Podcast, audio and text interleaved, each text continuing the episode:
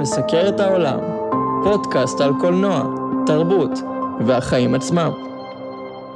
שלום וברוכים הבאים לשובל מסקר את העולם, המקום לדבר על קולנוע, תרבות והחיים עצמם. הפעם אדבר איתכם על מכסחי השדים, החיים שאחרי. אז ממש ממש לפני מספר ימים צפיתי לראשונה בטלוויזיה בסרט החדש ביותר בסדרת סרטי Ghostbusters, סוג של המשך ו reboot באותו הזמן. עכשיו אני אספר לכם על ההיסטוריה של Ghostbusters ולאחר מכן אדבר איתכם על הסרט עצמו אה, ומה הופך אותו להמשך ראוי ביותר לסדרת הסרטים. אז הכל התחיל בעצם ב-1984 כשיצא הסרט Ghostbusters בכיכובם של ביל מרי, דן אקרויד וארולד רמיס. כמובן שהיו אנשים נוספים, ריק מורניס האגדי, אה, סיגורני וויבר ועוד, והשאר כמובן היסטוריה. אה, מאז נוצרו בהשראתם חוברות קומיקס, ספרים, משחקי וידאו, פארקי שעשועים, סדרות טלוויזיה מצוירות כמו מכסחי השדים האמיתיים או מכסחי השדים אקסטרים. אה, וכמובן סרטי המשך שפחות מוכרים כמו מכסחי השדים 2 מ-1989 שלא היה חזק כמו הראשון לטענת הצופים. אה, ומכסחות השדים אה, מ-2014 שביים פול פיג שלאחר שדן אקרויד לקח בזה חלק הוא רצה לייצר איזשהו יקום מקביל יקום קולנועי משותף והסרט לא, לא היה סרט ראוי להמשכיות ולכן גנזו את כל הסיפור הזה. וב-2019 יצא סרט, ב-2019 התחילו בעצם להתעסק בסרט מכסחי השדים בחיים שאחרי, כאשר הוא יצא בסופו של דבר ב-2020. זה גם לדעתי הסרט האחרון שאייבן רייטמן, או כמו שאתם מכירים אותו, הבמאי של מכסחי השדים המקורי, אה, הוא הפיק את הסרט האחרון, והבן שלו ג'ייסון רייטמן, שגם גם לו יש אה, בעצם אה, יכולות משלו והיסטוריה לא קטנה בקולנוע, הוא זה שביים את הסרט ואחראי על הקסם עצמו. אז מה בעצם העלילה של מכסחי השדים, החיים שאחרי? אז בעצם אנחנו מגלים שהמשפחה של, אה, של הדמות של הרולד רמיס אה, גרושה מביתה, הם מגיעים לעיירה מבודדת, שם בעצם כולם חושבים שאיבון ספנקלר, ספנגלר הוא זקן מבודד ומשוגע, בינתיים הם מגלים דברים על המקום, הם מתחברים עם אנשים, מייצרים חברויות, אה, ולאחר מכן משחררים בטעות רוח רפאים, וכל הסיפור מתחיל מההתחלה, כמו שהיה ב-1984. מה שאהבתי בסרט זה שהם נותנים הרבה כבוד לכל ה... לכל המקום הזה של Ghostbusters, במיוחד להרולד רמיס שנפטר ב-2014, בערך בזמן ש... קצת לפני שיצא הסרט של מכסחות השדים. אה, והם עושים לו כבוד רציני פה בסרט הזה, כל העלילה פה מבוססת על הדמות שלו. אה, והשחקנים גם מעולים, קרי קון בתור האימא, פין וולפארד שמוכר לנו מ Stranger Things וסרטי It.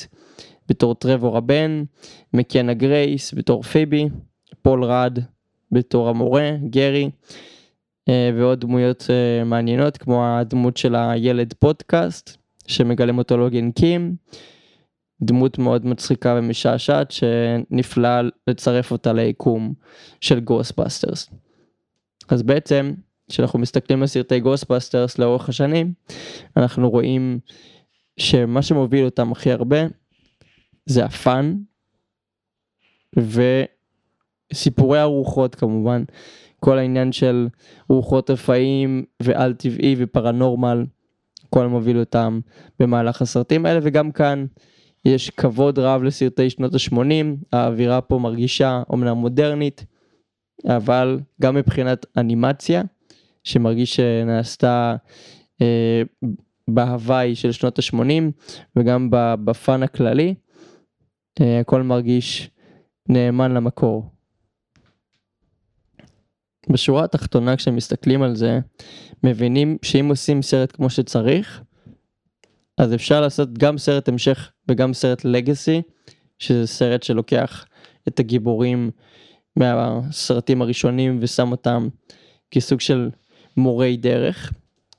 פה זה לא בדיוק מה שקורה, אני לא אגלה לכם, אה, אבל אה, מעניין לראות את הכיוון שהם לקחו בסרט הזה.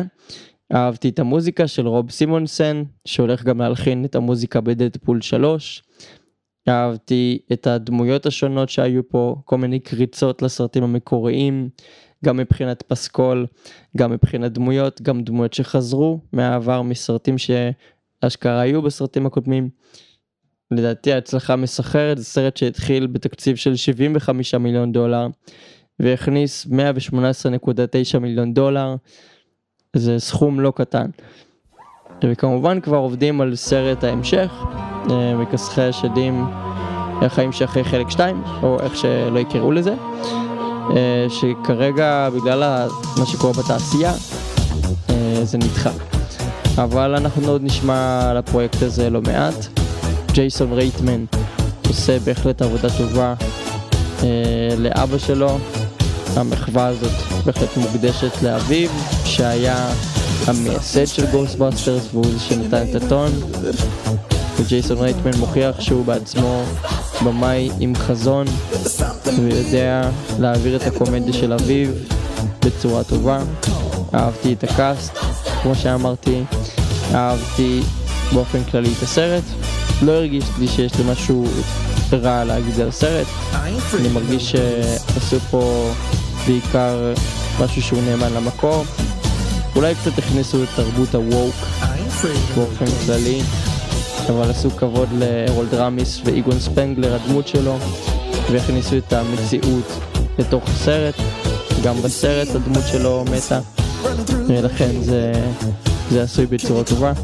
אני ממליץ לכם, אם לא ראיתם מעולם סרטי Ghostbusters, לצפות עכשיו בסרט של Ghostbusters המקורי, וכמובן לצפות בכל הסרטים או בכל מה שיעניין אתכם בסדרת הסרטים הזאת. עד כאן להיום, אני שוב מסקר את העולם, אתם מוזמנים לעקוב אחריי בשלל הרשתות, לעשות לייק, לשתף, וכמובן תישארו מעודכנים.